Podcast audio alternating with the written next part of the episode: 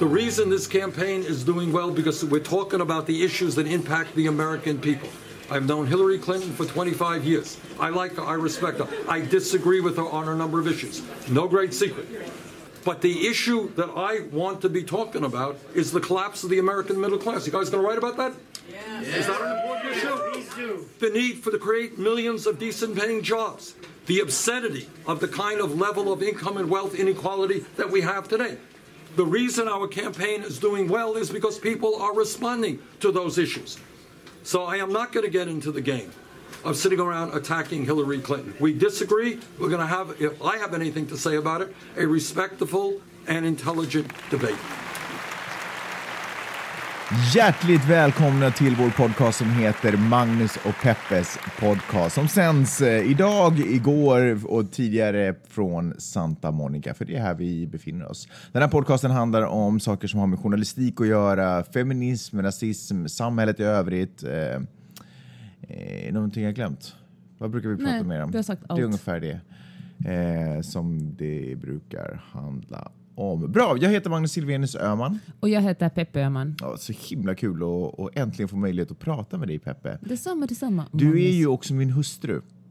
Eh, men det känns ändå så, och då skulle man ju kunna tro, att, för vi bor ju ihop, liksom, vi är ju inte särbos på något sätt, och då skulle man kunna tänka sig att, ja, att det här är saker vi kan ventilera med jämna mellanrum när som helst, när vi står och lagar frukost eller någonting. Men det känns meningslöst att göra det om ingen annan lyssnar. ja, så är det faktiskt. Nej, men det känns verkligen som att det här har blivit vår tidpunkt att prata med varandra. Eller håller du inte med Nej, nej, jag mig? håller med. Jag håller med. Ja. Vi verkligen tar oss tiden. Vi bokar in den. Det här, Ja. Är det här ditt svar på kvalitetstid? Det här är mitt svar på kvalitetstid. Grejen är att, okej, nu börjar vi prata om saker vi inte alls ska snacka om i den här podcasten, men jag tänker ändå ta mig friheten att göra det. Det är nämligen så att vår son eh, har precis börjat i kindergarten. Och det här har ju faktiskt lite öppnat upp för att vi har möjlighet att prata lite mer med varandra på vardagarna. Så jag, jag kanske ljög lite nyss, men jag känner ändå att det här är en viktig del av vår konversation. Och relation. Eh, ja, och liksom eh, kvalitetstid tillsammans, helt klart. Eh, men tidigare, innan vi gick på um, kindergarten, när vi verkligen... Kindergarten. Kindergarten, när vi verkligen inte hade tid att prata med varandra. Så då kände jag ett jättestort behov av den här podcasten. Nu, not so much, men det är fortfarande superintressant. Nu pratar vi ju väldigt konkret om vissa saker. Annars så bara flummar vi runt när vi promenerar. Eh, bevisa det och sätt igång. Tack. Ehm, Den här podcasten inleddes med ett citat från en snubbe som heter Bernie Sanders. Can you feel the burn? Är hans slogan. Är det sant? Ja, såklart. jag trodde han var värdig. Vad menar du? Nej, men det är ju inte han, du vet. Det är, det är säkert... Ja, men du vet, det är för... Det, det måste ju alltid finnas en liten, en liten del show i alltihopa. Mm. Jag vet inte om det är han som har myntat det eller om det är bara hans fans. Vet du myntat det. vilken slogan Donald Trump har? Nej. Let's make America great again. ja, det är sant. Jag visste faktiskt det. Eller blow this trumpet. Eller något sånt skulle man kunna tänka sig. Um, Bernie Sanders som alltså var en underdog väldigt länge i det presidentvalskampanjen, eller vad, man säger, vad det heter.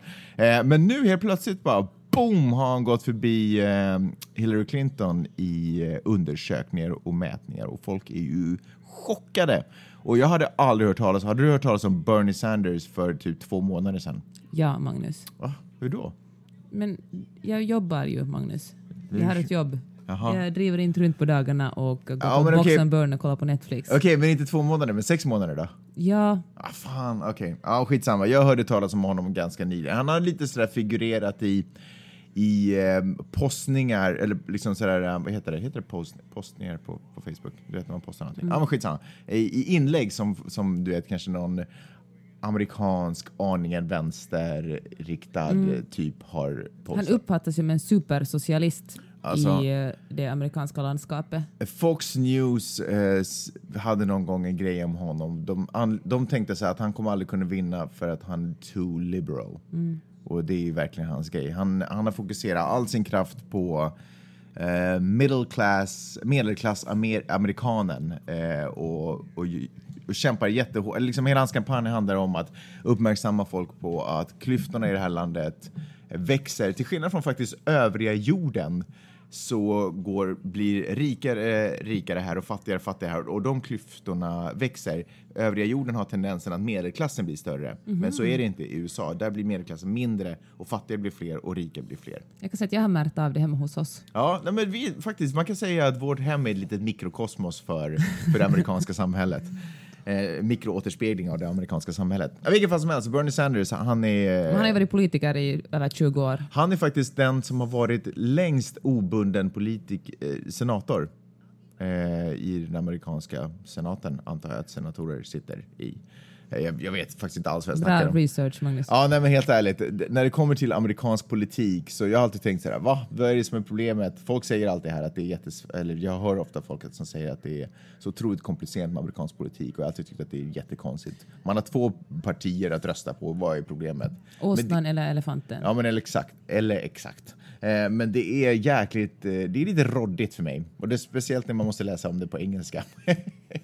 Men hör du, uh, Mm. Bernie Sanders har jag läst hade vunnit, uh, eller enligt mätningar ska han vinna nu superstrategiskt uh, Iowa och New Hampshire. Och alla som har sett på House of Cards vet ju att är Mm. Iowa och New Hampshire är räknas. superviktiga. Jag vet Men varför va- de ja, städerna. varför det? Men först ska jag berätta att första gången undersökningen gjordes på hur det skulle gå i Iowa eh, så då, hade, då var det sådär, ja men Hillary Clinton kommer vinna, hon, 50 procent ungefär fick hon av alla röster eller i den här undersökningen då, och Bernie låg på 30 kanske, något sånt. Eh, men nu helt plötsligt så leder Eh, den andra gången det gjordes en undersökning om hur det skulle gå så ledde Bernie typ med okej, kanske en procentenhet, men har fortfarande gått upp från kanske 30 till att nu ligga plus 40 och Hillary ligger och vinglar på 40 ungefär.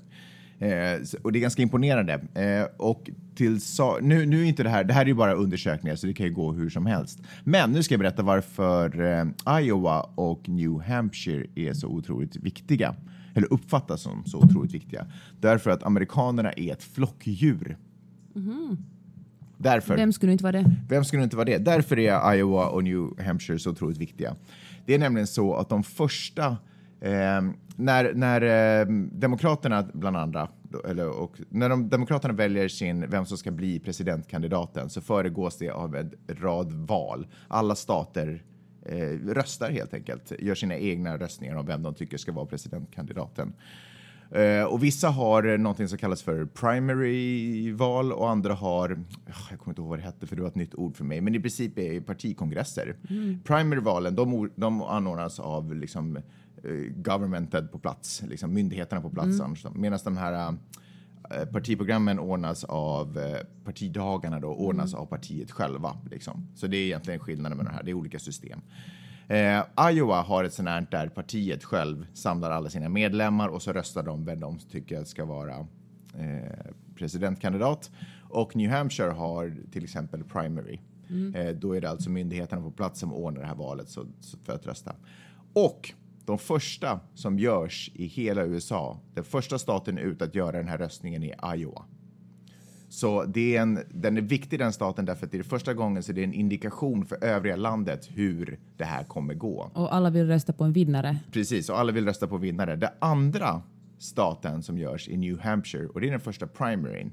Och den fungerar antingen som en, så här tolkar folk det, antingen som en bekräftelse på att den första, det blir en tydlig trend. Så om man nailar de två, då ser det jättebra ut för resten av landet. För då börjar alla andra länder, eller alla, förlåt, alla andra stater kanske lite titta och ta efter de resultaten. Bli påverkade. Det är omöjligt att inte bli påverkad av de resultaten.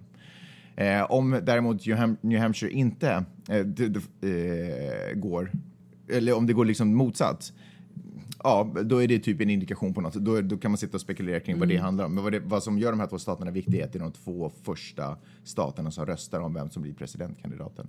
Men det faktum är så tror jag att förra gången eller när Obama och Hillary stod mot varandra så då vann Hillary till exempel i New Hampshire eh, som då alltså är en av de här viktiga staterna. Men, eh, men Obama gick ju ändå vidare och vann alltihopa sen. Så du vet, det, men då, då, det ligger väldigt mycket vikt på de här för att det är de två första helt enkelt.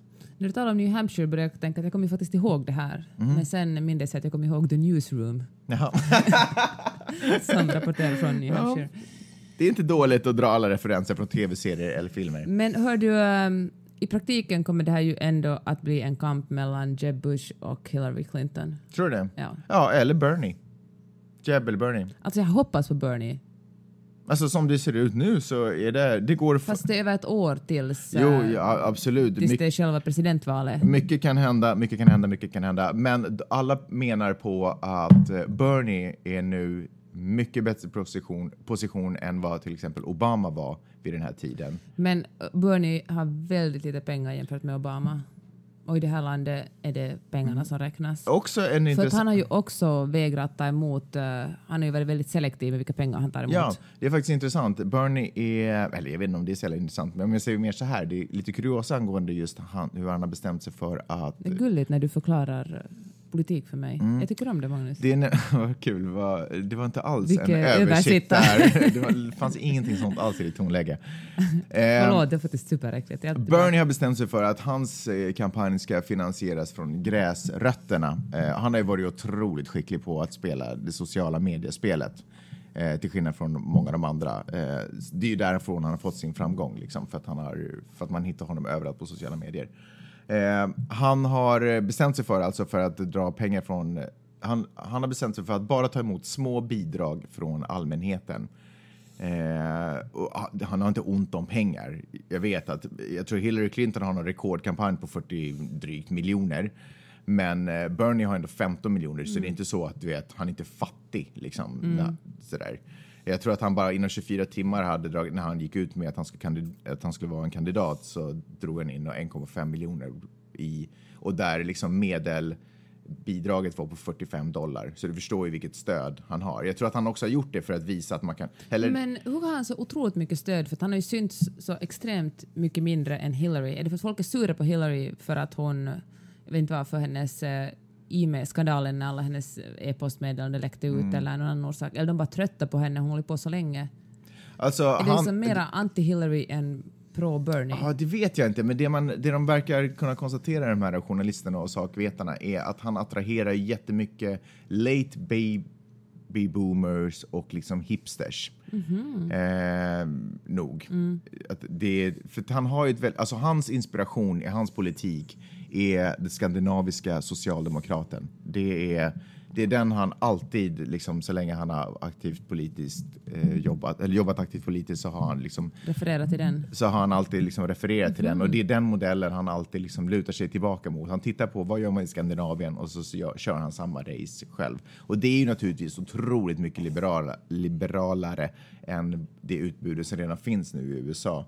Så jag vet inte, kanske, kanske det är proteströster. Det finns vissa som så här, jämför onda, elaka tungor jämför honom med Donald Trump därför att de tycker att det är populistiskt bullshit fast från andra hållet. Liksom. De är ju totala motpoler. De är totala motpoler, men de har båda det här på något sätt polit, politi, eller populistiska budskapet att allting kommer bli bra bara ni liksom lutar. Nå, det har ju i och för sig alla presidenter i och för sig, men de menar att alla de här sakerna som han snackar om, du vet, i princip free health care och du vet, få bort eh, eller öka medelklassen och alltihopa, att det är egentligen bara Det låter som en utopi Ja, men exakt. Det, det, det, är fina, det är ungefär som när man springer runt och säger fred på jorden. Bara, ja, men det är en fin tanke, Ja. men, eh, men det kommer ju aldrig hända. Liksom. Var det som eh, Donald Trump sa här i veckan att eh, när jag blir president så kommer vi att vinna så mycket att ni kommer att bli trötta på winning. Alltså han är så, han är, det är liksom, det är bara, jag vet inte, jag blir, jag, det, jag är road men förskräckt. Förskräckt road. Eh, men jag, jag vet inte, jag, alltså jag, tycker det som, jag tycker att det skulle vara så himla roligt om man kunde vara presidentkandidat, Bernie, därför att, ja, alltså jag får inte rösta så det är ju skitsamma, men han pratar om saker som är sådär, det är på riktigt, det är inte det här äh, vanliga bullshit-tramset om att visa muskler och, och, och vad de nu håller på med för dumheter, utan han pratar alltid om vettiga saker. Eh, det är den, I den här lilla klippet som vi hörde här i början precis, så det var en, liksom en Fox News, eh, den finns förresten på Flipboard om man vill se hela klippet, för jag hade klippt i det. Eh, så det finns på vår Flipboard som heter flipboard.com slash Magnus och Peppes podcast tror jag det heter. Eh, och där så är det en Fox News-journalist som, eh, som fångar honom precis när han har kommit ut från att ha hållit ett tal och säger så här, ja men bla bla, vad, vad tyckte du om när Hillary Clinton var så där? Så han säger okej, det här försöker jag säga om och om igen, jag tänker inte hålla på och smutskasta Hillary Clinton, det här är inte det som är grejen. Vi har känt varandra i över 20 år. Vi är liksom nog vänner och det finns mycket som jag håller med henne om. Eller dig, det kanske han inte nödvändigtvis sa. Det finns mycket saker som vi inte är överens om för det. Bland annat, och så du vet, naturligtvis börjar han i egenskap av politiker rabbla det han vill göra, till skillnad från Hillary. Eh, Men han tar det alltid tillbaka. Han säger det jag vill prata om det är det här. Liksom. Och så tar han alltid tillbaka det. Och jag har sett honom uppträda på sån här... Eh, sett honom uppträda... Men. Jättefint. Shh, shh, shh. Eh, jag har sett honom uppträda på någon sån här typ talkshows där talkshowvärlden ska vara så här, ah, skjuta med feelingpistoler. Och så, eh, så bara, ja men eh, drar, gör den här lilla skämtet då. Och så, och så gör Bernie den, det skämtet eller vad tusan det är. Och sen är han så här, okej nu har vi gjort allt det här, kan vi nu börja prata sak? Du vet att han tar alltid tillbaka. Det är inte så mycket entertainment, det är på riktigt politik. Nej, han, jag tror att han känner att det finns... Att han, nej, men han, det känns som att han, han vill göra, göra någonting på riktigt, en riktig förändring. Så han har vår röst om vi skulle ha en sån. Jag tror av, av det För det utbudet är som mannen i finns... familjen som bestämmer vad man ska rösta på. ja, ja, egenskap av familjens överhuvud, så om vi skulle få rösta så tror jag faktiskt i dagsläget att det är dit det skulle gå. Också för att han skiljer sig så mycket från de traditionella republikanerna och demokraterna. Det är en ny vind liksom, tycker jag, hemskt mycket. Woo! Okej, tack för den monologen. Den enda, Nej men det var på riktigt intressant. det enda som var... är synd är att han är över 70 år. Och det är Vad är det för åldersrasism? Nej, men det Är är inte alla andra också så gamla? Förutom kanske Jeb. Jo, det är sant. Jo, det är sant. Det är... Och Obama, i och för sig. Han är väl inte så gammal heller. Nej. Men det är, det är synd att det är... Märta Tikkanen är 80 och det går bra för henne. Men du vet, om jag sätter på mig mina feministglasögon så är det synd att det återigen är en, en, en äldre vit man som du för den här striden. Alltså, jag, han har ett gott hjärta. Han, Kanske han är undantaget som bekräftar regeln. Ja, nej, men alltså, nej, men det, alltså, han är absolut det bästa alternativet. Det tycker jag. jag tycker att han verkar vara ett mycket bättre alternativ än Hillary Clinton. En annan förresten kuriosa att han gick det, han var med i det March Against Washington, som det hette. Civil Rights Movement, där som Martin Luther King eh, också pratade höll I have a dream-talet. Så han är feminist och antirasist. Är han feminist? Ja, det är han faktiskt. Han, han, han starka, liksom, hans frågor som han har drivit har alltid handlat om eh, gayrättigheter och då snackar vi liksom långt innan gay... Nej, okej, det ska jag inte säga. Men alltså nog liksom redan från... Sex, han var med alltså, i Civil Rights Movement på 60-talet eh, och liksom arbetade för svartas rättigheter och han arbetar för gayrättigheter. Han har alltid jobbat för... Kvinnors då? Eh, ja, alltså helt ärligt, den kanske... Ah, Okej, gå in på hans Wikipedia-sida och läs vad, vad han har jobbat med för rättigheter där. Du bara, jag tänker inte svara på din fråga, googla det. Nej, men jag, vill inte, för jag skulle vilja säga ja spontant, för det känns som någonting som låter som hans grej, men jag vill inte ljuga om jag inte vet. Du vill inte killgissa. Nej. Vad sa du? Killgissa. Killgissa? Jaha, jag tyckte så här killgissa. När jag sa killgissa, Vad betyder det? det betyder när eh, snubbar bara drar till med någonting. För att låta övertygande. Ja, och så gör de det så övertygande så folk går på det. Ja. Nej, men jag, jag, jag kan tänka mig det. Så mycket tänker jag ljuga i alla fall. Okej. Det var, det, är det någonting annat du undrar om Bernie Sanders? Nej tack. Men tack i alla fall, så det var bra. Ja. Alltså de flesta som jag har, när jag tittar på så här nyhetsrapporter från, eh, från amerikanska tv-kanaler så säger de att det är han som kommer vara presidentkandidaten Okej. för Demokraterna. Men se. det är ett år kvar så mycket kan hända. Vi får se, Magnus. Ja. Vad vill du snacka om? Jag vill snacka om en grej som vi har talat om hundra gånger, men den dyker upp hela tiden, Mm. nämligen blackface. Ah, den gamla klassikern. Det finns ett eh, program som heter Nyhetsläckan Uutisvuoto som handlar om, eh, det är ett sånt eh, internationellt koncept där eh, en programledare och några gäster diskuterar nyheter i veckan och så ska de skoja dem till det lite. Och det är ett beprövat och roligt koncept som eh, hållit på jättelänge. Ja. Men nu, nu, nu hade de eh, haft en sommarpaus och kommit tillbaka och eh, det första som sker i trailern är att en av de här eh, permanenta gästerna målar sig svart i ansiktet och drar på sig en afroperuk. Och det är konstigt för det var ju inte så hemskt länge sedan det var en liten diskussion om det redan. Det var inte så hemskt länge sedan det var en liten diskussion i den här podden och i Nej. min blogg. Nej men också ändå i finska, var det inte i finska medier också? Eller blev det aldrig en diskussion nej, i finska det blev medier? aldrig. För vi talade senast om det här, så var det kanske för tre, två, tre månader sedan, så var det ett program på MTV3 på alltså den här kommersiella, en av de kommersiella kanalerna, Mm. där en annan snubbe hade målat sig svart i ansiktet och uh, talade med någon slags underlig brytning och Mm svart.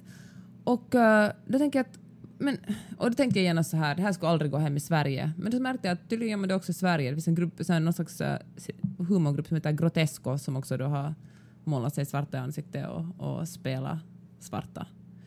Och för att göra humor. Mm. Men är det också för att ha Grotesco, du får en känsla av att de kanske att, de, att det är en del av deras, att det, nästan lite kanske en politisk humorgrupp eller? Ah, Okej, Nej, vi ska nej. inte snacka om saker jag inte vet någonting om. Va? Nej, men det gör du kanske faktiskt inte.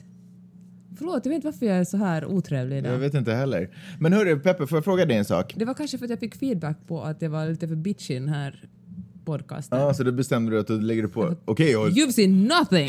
ja, exakt. Nej men hörru, angående liksom blackface, får jag fråga dig en sak? ja. Eh, blackface som eh, är...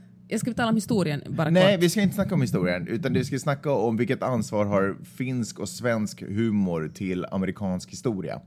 För att blackface är ju mest upprörande, eh, eller liksom därför att det är en del av en tradition där man förlöjligar svarta människor. Man spelar på svarta människors Ja. stereo- stereotypier. en tradition som kommer ifrån Amerika, eh, från USA Mm. här. Det var liksom eh, varieté-shower motsvarande, om jag har förstått det hela rätt. Där också svarta faktiskt liksom, det var, en, det var som en clownmask Mm. liksom som man satte på. Eh, för att, eh, ja, och, och de porträtterade, och den, och den här karaktären, den här clownen karaktäriserades alltid som att vara lat och lite dum och Översexuell också. Ja, okej, ja just det, precis, något sånt också. Ja. Och musikalisk. Och, Ja, eh, och precis. Eh, men en, en, nog en form av liksom, eh, en, nog en form av clown. Eh, och sen så har man naturligtvis slutat med det här därför att man tycker att det här är ju inte, det här är inte vettiga förebilder som svarta amerikaner ska ha. De ska ha förebilder som presidenter och sånt istället och inte det här.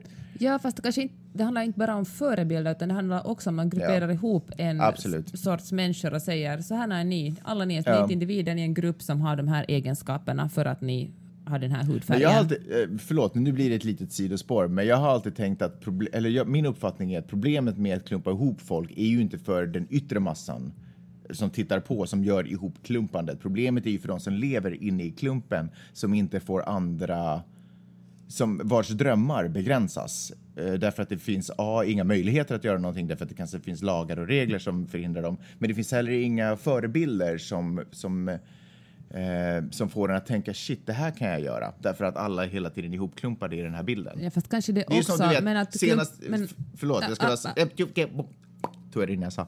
Eh, senast innan vi började den här podcasten så skojade jag, skojade jag om att du inte är så humoristisk. Och så var det så här, ja ah, men fortsätt säga det så kommer jag nog tro det en vacker Och det är ju liksom det det handlar om, det här hopklumpandet. Att man hela tiden säger till, eller som man då gjorde då med de här showerna och, och överhuvudtaget hur samhället såg ut, pratar om hur lata folk är och bla bla bla, och hur de beter sig och hur de är. Så då blir, någonstans kan Fast det bli en... det handlar ju också om en diskriminering utifrån Jo, eftersom de absolut. som inte är inne i den gruppen föreställer sig att alla som har en viss hudfärg eller ett visst namn eller Mm. ett visst, eh, jag menar om man har ett arabiskt namn är det mycket svårare att få jobb i Norden än om man har ett traditionellt nordiskt namn. Jo. Eller om man har en viss eh, hudfärg som vi talade om i förra podden hur, hur vissa svarta snubbar klär sig i skjorta och snygga skor eftersom det bara är, det är säkrare för dem att röra sig på gatan Jo. än om de ska gå med en hoodie. Så det handlar absolut inte bara om eh, på något sätt eh, släkt och drömmar eller drömmar som aldrig har fått födas ens inom gruppen utan det handlar ju mycket om Nej. hur Men stereotypier att gör det- att man behandlar, att de utanför gruppen behandlar gruppen på ett visst sätt. Sant, men jag tror också ändå att du kan hålla med mig. Jag tror, du talar egentligen inte emot mig. Eh, det, nej, men- det jag fortfarande säger är att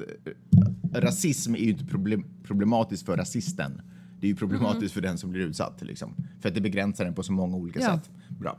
Okej, så, så man Okej. bestämde sig för att sluta. De här diskussionerna och Civil Rights Movement och eh, om bit innan fick, så la ner de här typen av shower Ja. och. Och det betyder ju inte att folk inte ska vara rasister längre. Nej, absolut inte. Men, men, eh, men det här är nu problemet med blackface. Det är så förknippat med den här eran där det var så allmänt accepterat. Det var inte ens, du vet, det var helt faut Mm. att det var på det här sättet. Och nu så i USA så är man åtminstone inte öppet rasistisk. Jag vet inte om det är en bättre eller sämre sak. Men, men ingen går omkring och säger neger på gatorna som man då skulle kunna gjort Eh, då. De flesta, aldrig, majoriteten Ja, men kom igen, du vet ja, vad jag, jag pratar om. Mm. Men, men nu frågan, mm, som var min ursprungsfråga. Va- varför har Finland och Sverige ansvar för det här? Vi har ju inte, det är inte därför de här, de här showerna görs ju inte för att porträttera svarta som lata eller, eller, eller försöka hänvisa till en historisk eh, underhållningsform i USA. Det här är ju en ny, det här är ju en egen humor.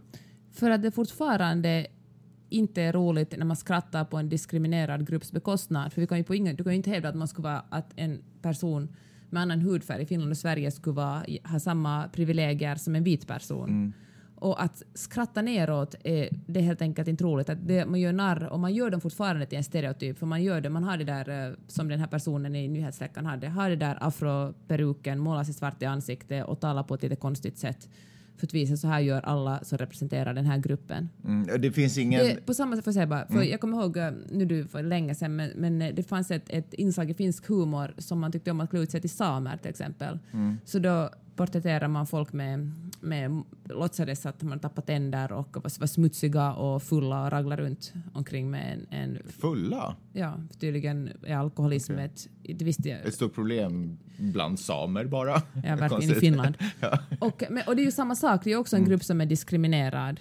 Som, och en, en sak som faktiskt hör hit som vi kan tala om lite längre till, om en, vi talar färdigt om det här så kommer jag ännu med en, ett exempel. Mm. Men därför är det inte, alltså att, att en privilegierad grupp gör narr av en icke-privilegierad grupp är Mm. inte roligt. Och vet du varför det, men vet du varför man uppfattar det som roligt? För att allt som står utanför normen är ju lite roligt. Och den liksom vita, en vit person i normen, det finns ingenting roligt med att någon klär upp sig till en helt vanlig snubbe på gatan. Nej. För att eh, så ser alla ut. Det är normen, det finns inget att skratta åt, men man skrattar åt det som... Man karikerar det som är lite annorlunda och sen skrattar man åt det och förlöjligar det. Men hörru, tror du inte att det är som egenskap av antirasist, Peppe Öhman? Tror du inte att det är problematiskt att argumentera, eller förklara, eller argumentera emot det där beteendet med att hänvisa till blackface som är en företeelse som liksom var aktuell för över hundra år sedan? Istället för att bara prata om det, att det inte är schysst att liksom skämta på andra människors bekostnad och förklara varför, varför du vet det här um, förhållandet privilegierad och inte privilegierad. Men att när man sen börjar göra referenser till blackface då blir folk så här bara what? Vad fan, jag håller inte, vad? Det här är inte varieté, vad det här är inte så. Du vet, förstår vad jag menar? Att är det, är det psykologiskt os, inte, liksom, är det psykologiskt osmart att, att börja blanda in blackface i det hela, även fast det är liksom Men det är för ju det är ju inte av- exakt det det är Nej, jag håller med om att det är kanske inte exakt det, men det är någonting som... eh, har, det, är liksom, det är ju samma sak. Mm. Det är ju liksom, man gör underhållning genom att stereotypisera en viss grupps människor. Och då finns det ett namn för det som visserligen härstammar från en kultur som inte exakt är vår kultur, men som vi har tagit ganska mycket till oss av. Och uh, då säger man, hej, det här heter det här, det föddes då, men eh, nu gör vi det också. Vi Mm. gör fortfarande samma sak. Det är liksom, vi, kan man säga att vi liksom blåser liv i den här kulturen genom att, eller vi upprätthåller den genom att uh, göra Finns samma sak. inget, finns det inget hyllningsmoment i den här formen av humor?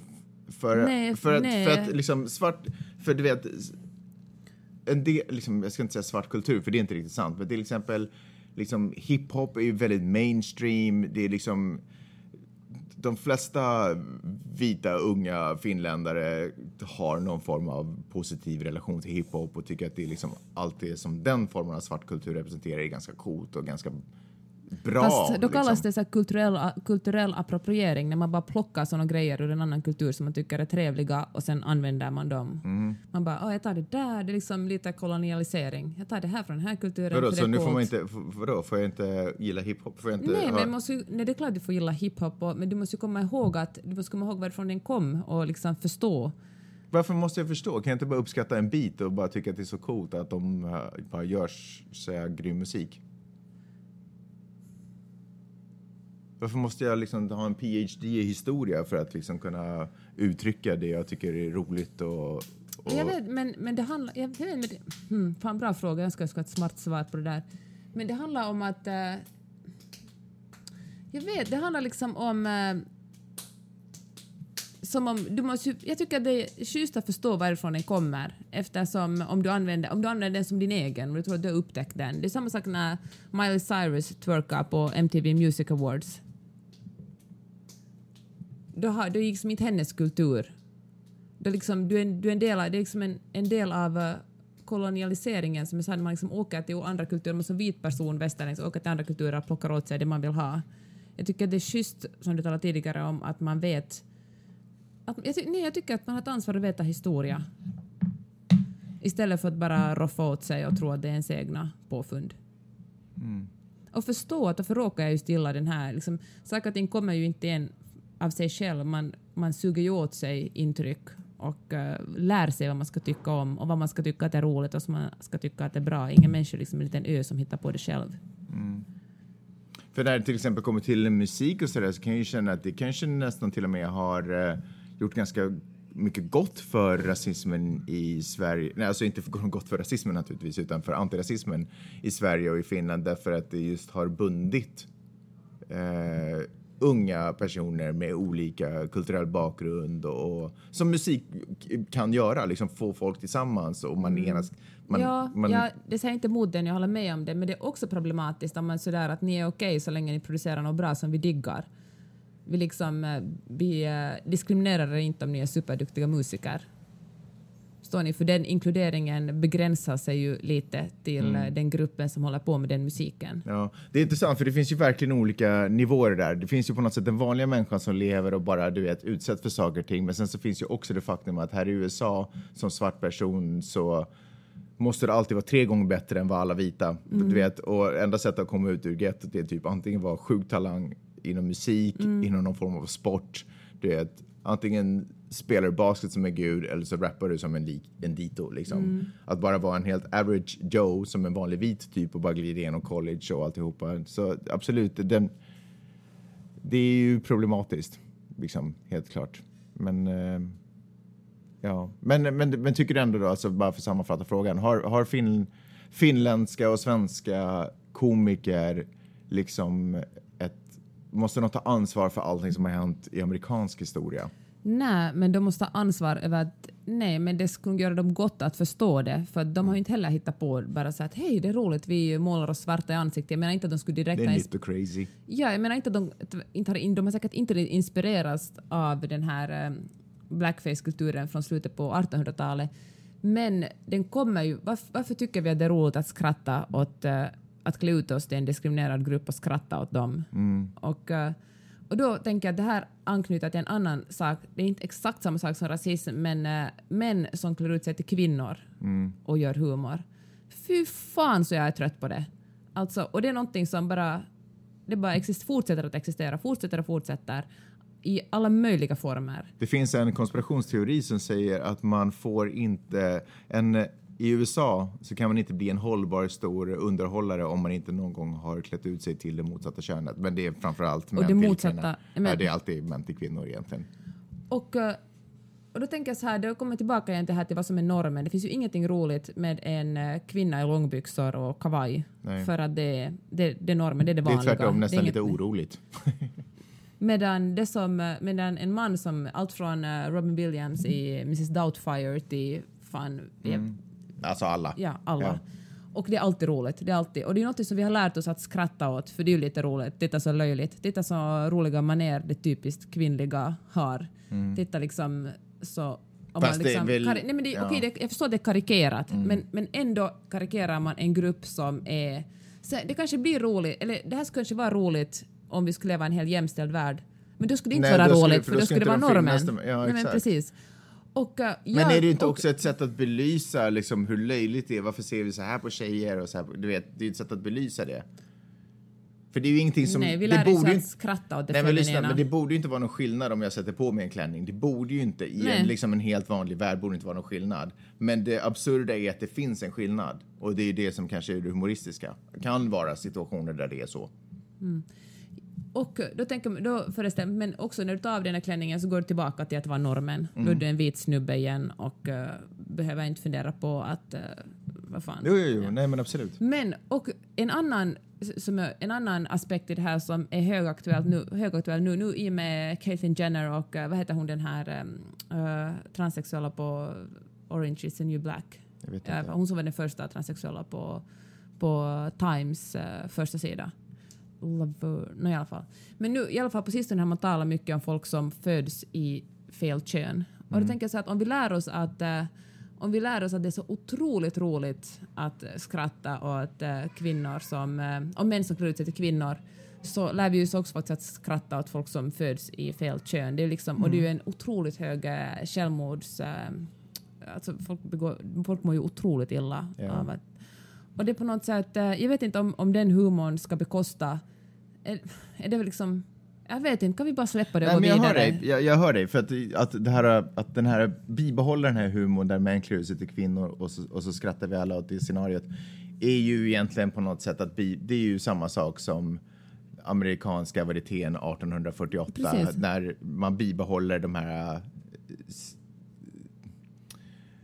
eh, eh, Alltså det är ju att förlöjliga en, en diskriminerad grupp. Och Ja, nu behö- man, men man bibehåller de här fördomarna de här liksom, eh, ja. Ja, och ste- man stereotypiserar Stereotyperna, en, en, precis, en grupp. Man säger så här är alla, så här är kvinnor, titta så löjligt det är om vi kar- karikerar dem. Det är sant. Det, det här är ju vad som sker liksom undermedvetet utan att det kanske Ja, jag överhuvudtaget men, var... nej, jag tror inte folk klär på sig klänning och Nej, säger haha, nu ska vi diskriminera.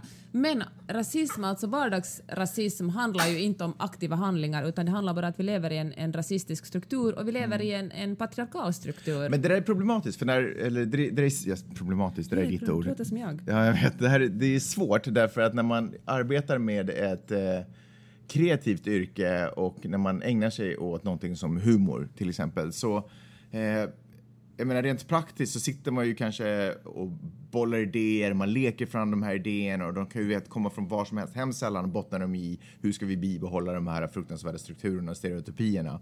Utan de bottnar i någonting, du vet, man vill kanske, åh det där är sjukt som jag såg i samhället eller det här är crazy eller bara den här roliga grejen som hände mig idag. Och så försöker man återskapa den på något sätt i någon form Det är bara att det sitter ett gäng snubbar och försöker återskapa Ja men, du. Mm. nej, men oavsett, nej men för, vänta nu, bara för argumentationens skull, att liksom, det sitter människor Mm. och, och försöker göra någonting roligt, du vet, underhålla sig själva för whatever reason. Liksom.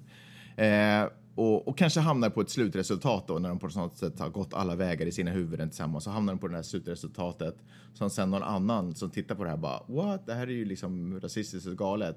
Och de hade aldrig ens tänkt på det därför att vägen till den här slutliga produkten är var en helt annan. Liksom. Och det som jag tror att många i det ske- skedet gör, som nog sist och slutligen är fel, för att man är ju inte befriad från ansvar bara för att man är en lustigkurre, eller du vet, humorist, är att man försvarar, att man, att man förklarar sin väg till slutprodukten som att det på något sätt står som en förklaring till varför det inte är rasistiskt när slututtrycket ändå är rasistiskt, liksom, eller har en, en underliggande rasistisk ton. Och det som också faktiskt blir ju lite, eh, som man också ser, är ju att eh, att om jag, jag tror att många som har, som har skapat den här humorn också blir provocerade av att bli anklagade för rasister är för att det kanske också slår an en nerv. Därför att man blev träffad av någonting som man inte såg komma. Och, och det är ju inte förstås roligt. Man vill ju vara förberedd på alla eventuella scenarier och sådana saker. Så när någon när man märker, ser slutprodukten så blir man så man klamrar sig så otroligt desperat fast vid sin egen positiva gärning. Som sen visar, du vet, jag vet inte riktigt vad jag snurrar nu, men ni förstår vad jag menar ungefär. Att det är... Men jag menar att alla rasistiska handlingar är inte aktiva, Nej, men varje gång man men- gör någonting ja, sånt så, så bekräftar man normen och då bekräftar man de rasistiska eller antifeministiska strukturerna. Man liksom befäster dem lite mer. ja. Och eh, det borde man sluta med. Och det, och jag, jag tycker att, att det kanske är viktigt att försöka tala om dem på ett, eh, alltså, på ett vettigt sätt. Kanske inte bara springa fram och peka och skrika rasist utan försöka sansat förklara varför det inte är så schysst Mm. att utföra rasistiska handlingar. Eller att- bara på något sätt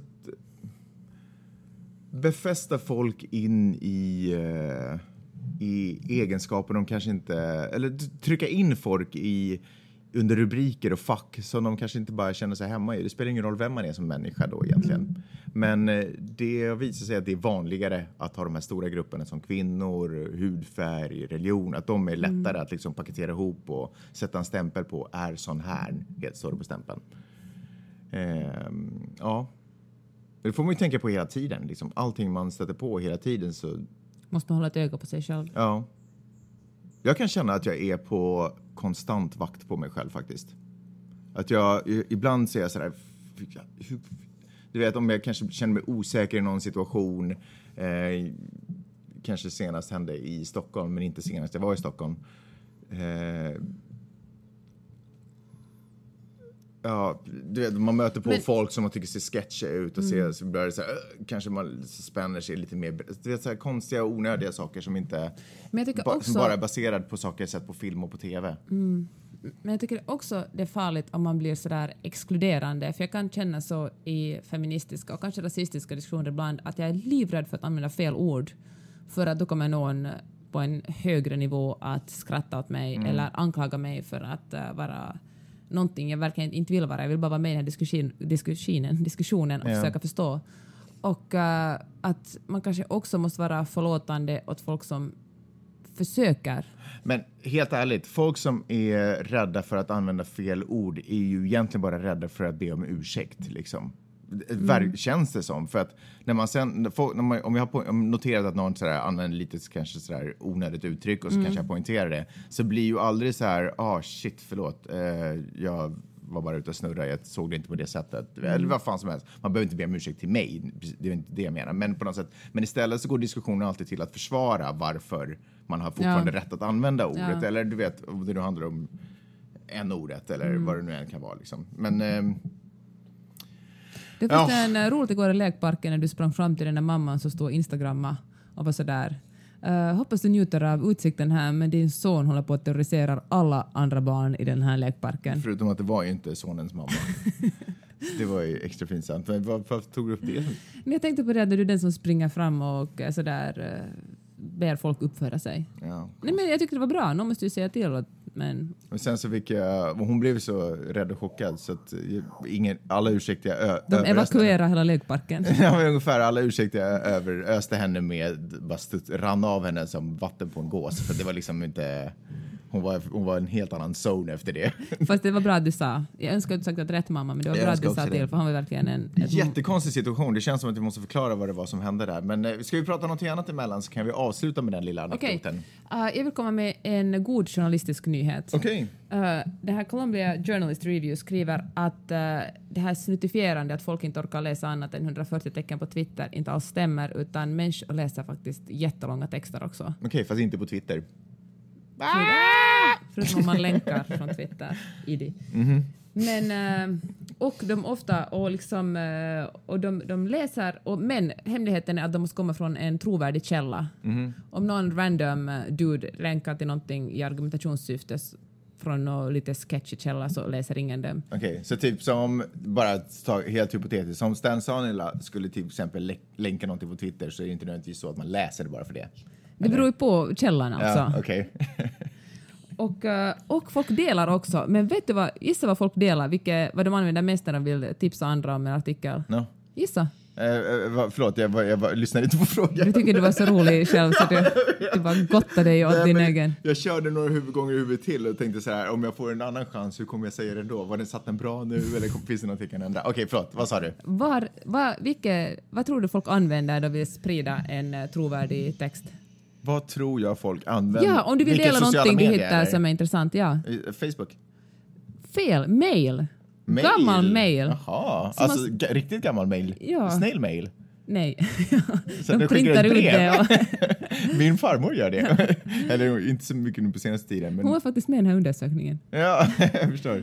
Nej, men alltså mest av allt e-post, andra plats Facebook, Twitter eh, och eh, 7 berättar om den enligt muntlig tradition. Men gud vad muntlig tradition så här, kring lägereld och saker.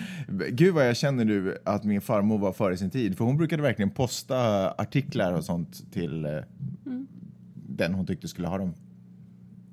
Alltså folk gör det här med elektronisk post. Ja, Men jag, jo, jag fattar det. Men jag bara, hon postade när det inte fanns elektronisk post. Men Ja, Alltså hon har ju sharat, det är ju det hon har gjort. Hon Ja. har delat. Hon har klickat sharing is... caring. Men, eh, men visst är det här, för förr har man ju sagt sådär att ingen orkar läsa långt på internet. Ja. Men skriver man, är man tillräckligt trovärdig, skriver bra saker så kommer folk att läsa det Mm. och dela det. Ja. Det är väl goda nyheter. Och om fonten inte är sjukt konstig. Ja, men det är väl goes without saying. men då tänkte jag på det, jag sitter ju, jag får ju, att få recensionsexemplar till eh, LA är ju sunkigt för då får man dem alltid i elektronisk form. Så jag läser ju nästan alla mina böcker på min telefon nu för tiden. Mhm. Och det är ju verkligen, man skulle säga att det är riktigt super long form reading. Mm.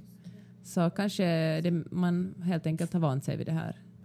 Jaha, ja, ja, okej, du- nu förstår jag vad du snackar om. Okej, så var... Du satt och tänkte på något skämt igen? Nej, nej, men jag bara, bara, vad fan, aha, du börjar snacka om dina, aha. du börjar styla med att du får recensionsex skickade till, jag förstod inte liksom kopplingen. Men eh, okej, du menar att folk bara helt enkelt har vant sig? Ja. Men är det inte det som alltid händer? Alltid när folk säger sådär, nej du vet, eh, det där kommer inte slå igenom, folk kommer aldrig kunna tänka, folk kommer alltid vilja ha papperstidningen. Ja, men du vet, så växer det upp en ny generation som läser sina saker på telefonen. Och så, Mm. Framtiden. De kanske börjar med att läsa en Twitter och snart har de läst ett Facebook-inlägg och sen En så har de en bok. Twitter. En tweet. och sen... och sen... Eh, nej men sådär är det ju. Folk vänjer sig. Och plus att skärmarna blir bättre, du vet det är, lätt, Mm. det är bekvämare att läsa. Och snart har vi säkert eh, skärmar som är i pappers... alltså, Det är ju helt på gång liksom, som är papperstunna och har pappersfeeling och då är det ju bye bye då, är det allt ju, som- då är vi tillbaka vid ja, men Då tidningen kanske igen. vi får behålla skogen. Så det är ju inte så bra för Finlands uh, träindustri. Nej, men då får Finland hitta ny industri, vilket Finland förmodligen kommer göra.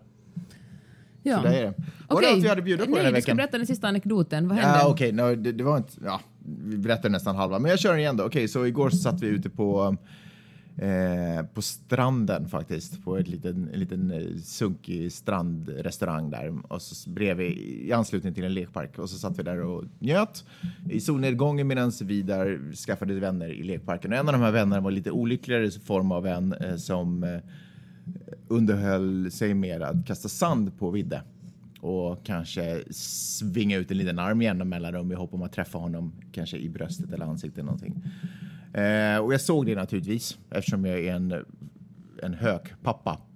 En curlingpappa kan man säga. Eller en uh, helikopterpappa En som det heter helikopter här. så här hovrar över, över vidden hela tiden. Ja, men jag gör verkligen det. Mm. Det är sjukt, för jag har en sån här bild av att jag, eller jag, jag, har, jag vill vara den här avslappnade sköna och jag kanske ser ut så, men jag är inte det egentligen. Jag är en, eh, jag är en björnmamma runt honom, helt klart. Klös honom och du kommer gå riven därifrån. Så, eh, så jag gick fram och var sådär, vad gör du unge? Liksom, dra. Jag började naturligtvis inte förklara för honom varför det är bra eller inte. Och så sa han Vidde kommer sätta och käka, skitsamma. Och Vidde kommer sätta sig vid bordet och den andra ungen went about his day. Och så kom faktiskt uh, servitrisen och var sådär att uh, hörni, den här ungen har varit här hela sommaren och Just det. terroriserar barn. Så det var ju också en lite tragisk twist på det hela, att den Mm. här ungen verkligen är utlämnad till sitt öde i den här parken för att det kommer en morsa och bara dumpar honom där och sen drar iväg på sina äventyr. Eh, så när vi fick höra det här så satt man ju lite och spejade med ena ögat och se om man skulle se den här morsan dyka upp. Eh, och, eh, och så plötsligt så bara dyker det upp en eh, blond mamma som matchar profilen tyckte jag. På, och dessutom står och bredvid och står och pratar med den här lilla pojken. Eh, och vad heter det? Och Medan hon instagrammar. Medan hon typ fotograferade solnedgången och instagrammade den och vad fasiken hon gjorde. Och då bara exploderar alla mina proppar i huvudet. Så jag bara reser mig upp och bara marscherar jättebestämt, du vet som när Shrek är arg ungefär, eh, fram till den här morsan och bara, ja men vad roligt att du står och njuter av den här vackra utsikten, men du, din unge håller på att kasta sand på mitt barn och du vet, veva med sina armar, så jag skulle uppskatta om du uppskattade, liksom, om du såg honom mer när du tittade på den här jävla solnedgången typ. Och hon blev ju liksom, jag såg att hon liksom gick in lite försvarsposition, vilket jag var helt beredd på. Så jag hade en attack för den också. Eh, jag vet inte riktigt vad det var nu i dagsläget, men jag var beredd på det. Eh, och hon bara, eh, vilken unge? Och jag bara, eh, alltså den där blonda som du stod och pratade med, hon bara, det är inte min unge. Han kom fram och sa att han käkar metall. Det är inte min unge. jag bara, oj då, eh, förlåt så hemskt mycket. du vet, från Shrek till den där lilla åsnan. och bara kryper baklänges, bugandes. Men eh, tyvärr så tror jag att jag förstörde resten av hennes dag för att eh, hon var säkert så här lite chocktillstånd. När det bullrar fram en björnmamma och börjar härja om hennes Instagram-vanor. Så det var inte så bra. Ja, men skitsamma. Tragiskt. Men eh, ja, jag är glad att jag säger till. Synd att det var till fel person. sen så No, var pojken, var, some, pojken var sen bara borta så vi missade faktiskt morsan. Ja. Eh, ja, Vi win kan säkert gå dit imorgon igen ifall du vill skälla ut någon annan random dam. Absolut. Jag damen igen ska jag ge henne en blomma. Eller om jag har en någon tillgänglig. Hörru, var det allt vi hade att bjuda på idag? Det var det. Tack för att ni har lyssnat den här veckan också. Det var roligt Peppe. Det var för mig också. Mm, ja. Hör du, ehm, eh, nej, hör ni alltså. Ni får gärna gå in och like oss på iTunes och eh, kanske dela den här podden per e-post till Mm. er bästa vän. Absolut. För även fast det här är en fantastisk tid för mig och Peppa bara prata så är det jätteroligt om ni uppskattar det för att någonstans är det ju lite för er vi gör det. Sist och slutligen. Så hitta ett sätt att visa kärlek till oss och visa det och tack så hemskt mycket för att ni lyssnade den här veckan. Vi hörs nästa vecka. Hej då! Hej då!